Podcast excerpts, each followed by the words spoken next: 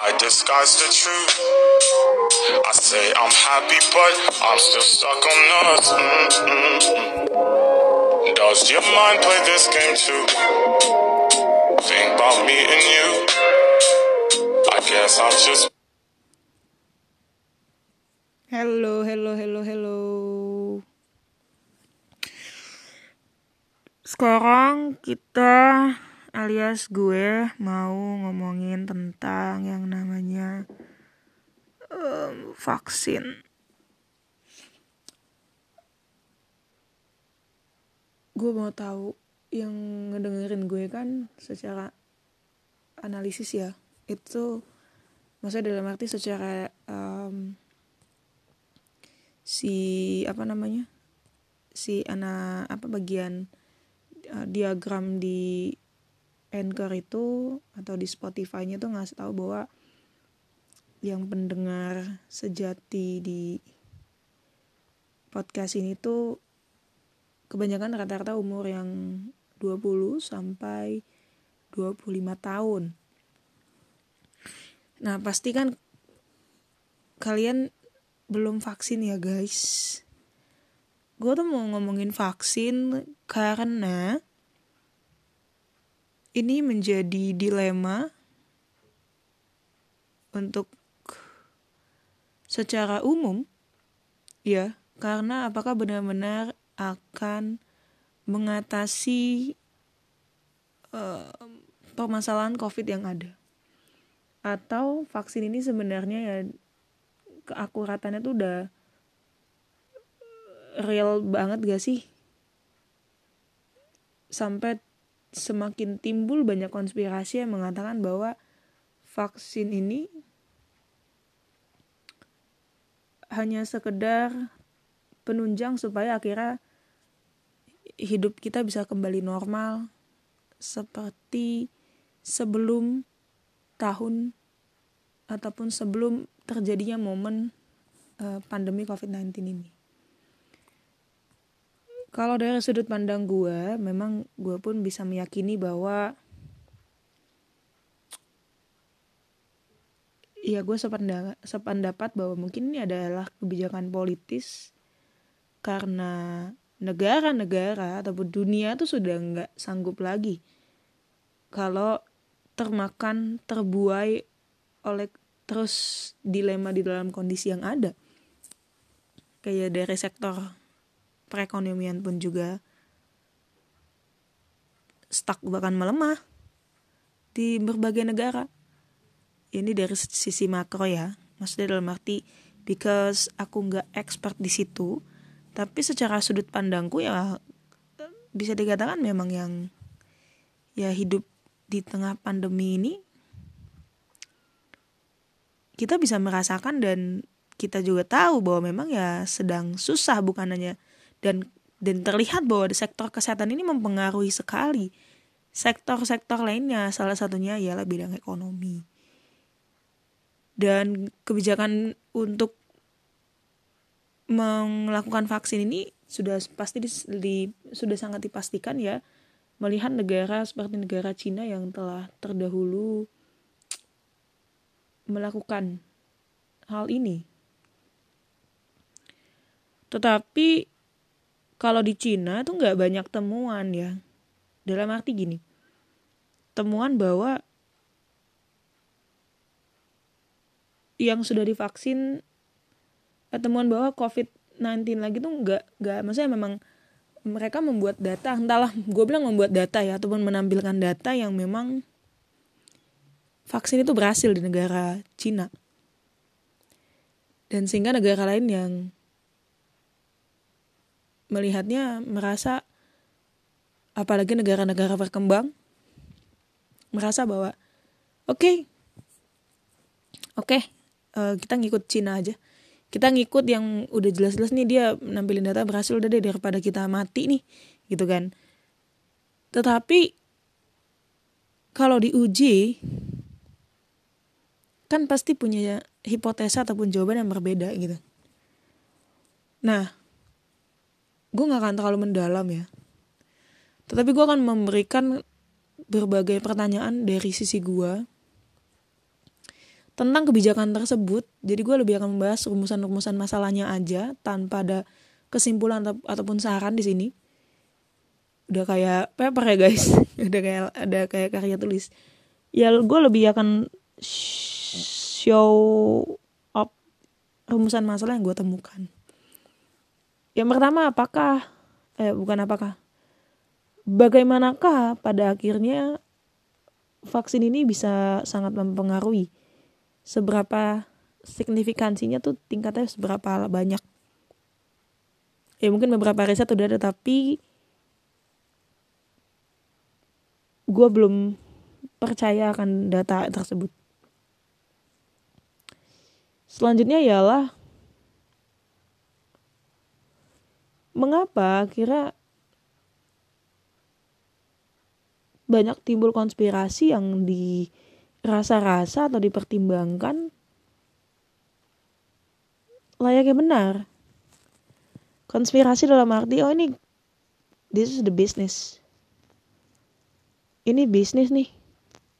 Dari awal pandemi ini bisnis. Dari awal pandemi ini nggak, aduh, kayak ada unsur kesengajaan yang dilakukan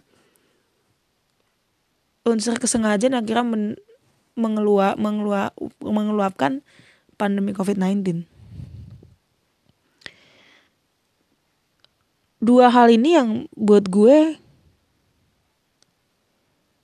krusial dan tiap kali gue ajak diskusi beberapa orang baik itu dari sisi tenaga medis baik itu dari sisi pengamat ekonomi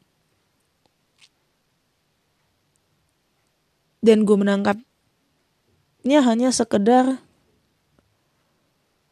ya supaya kita lepas dari kondisi ini.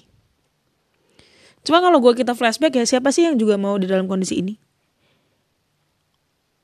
Jadi jauh sebelum dari kata lepas ataupun lewat dari kondisi ini kita juga nggak mau dalam kondisi ini. Vaksin udah sekarang lagi sedang diupayakan bisa menyeluruh dengan berbagai macam eh bukan berbagai macam berbagai uh, golongan usia ya dari mulai lansia. Sebelumnya sudah para tenaga medis yang didahulukan tenaga kesehatan itu. Uh, para rekan-rekan yang bekerja di dalam pemerintahan dan sekarang di berbagai puskesmas sudah berjuang untuk bisa divaksin ke si para lansia, untuk para lansia maksudnya. Timbul berita karena memang sertifikat vaksin tuh ada ya. Mungkin supaya nanti kalau sertifikat vaksin udah ada, ya kita nggak perlu lagi kalau mau ke mana-mana ya kebebasannya tuh lebih lebih ada. Jadi kita nggak perlu lagi menghabiskan dana untuk swab antigen atau melakukan protokol-protokol yang sangat-sangat merogoh gocek gitu ya.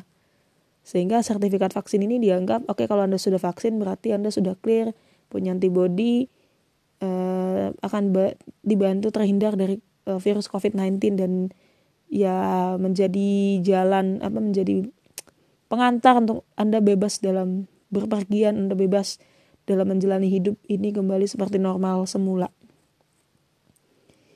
Dan gak sampai di situ ternyata ada temuan lagi. Dipalsukan dalam arti ya kemarin dari pemerintah bilang tolong yang udah divaksin gitu ya. Ada sertifikatnya sertifikat vaksin pertama. Itu tidak diupload di sosial media supaya ya sekalipun tuh ada nomor-nomornya ada barcode ada penguat-penguat bahwa memang itu ter terdata oleh pemerintah di sini dalam arti di Kementerian Kesehatan tapi setiap celah itu kayak rasa-rasanya untuk kayak di negara kita ini pasti masih akan dilakukan oleh berbagai oknum. Kalau gue dari pribadi, ya memang positif negatifnya masih ada. Cuman kalau memang harapannya secara sisi kebijakan politis dan sektor ekonomi dengan di mana berharap bahwa kita kembali dan kita nggak boleh stuck uh, terus seperti ini down terus semuanya baik secara mental secara non mental gitu ya. Ya ini menjadi goals yang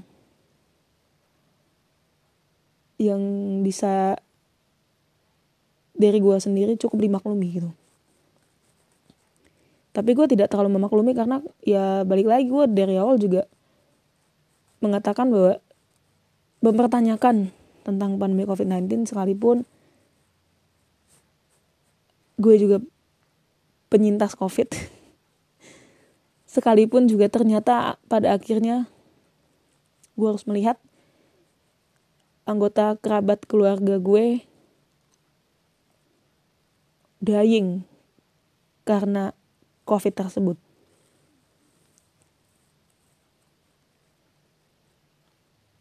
Ya gue gak bisa terlalu banyak mengatakan apa-apa.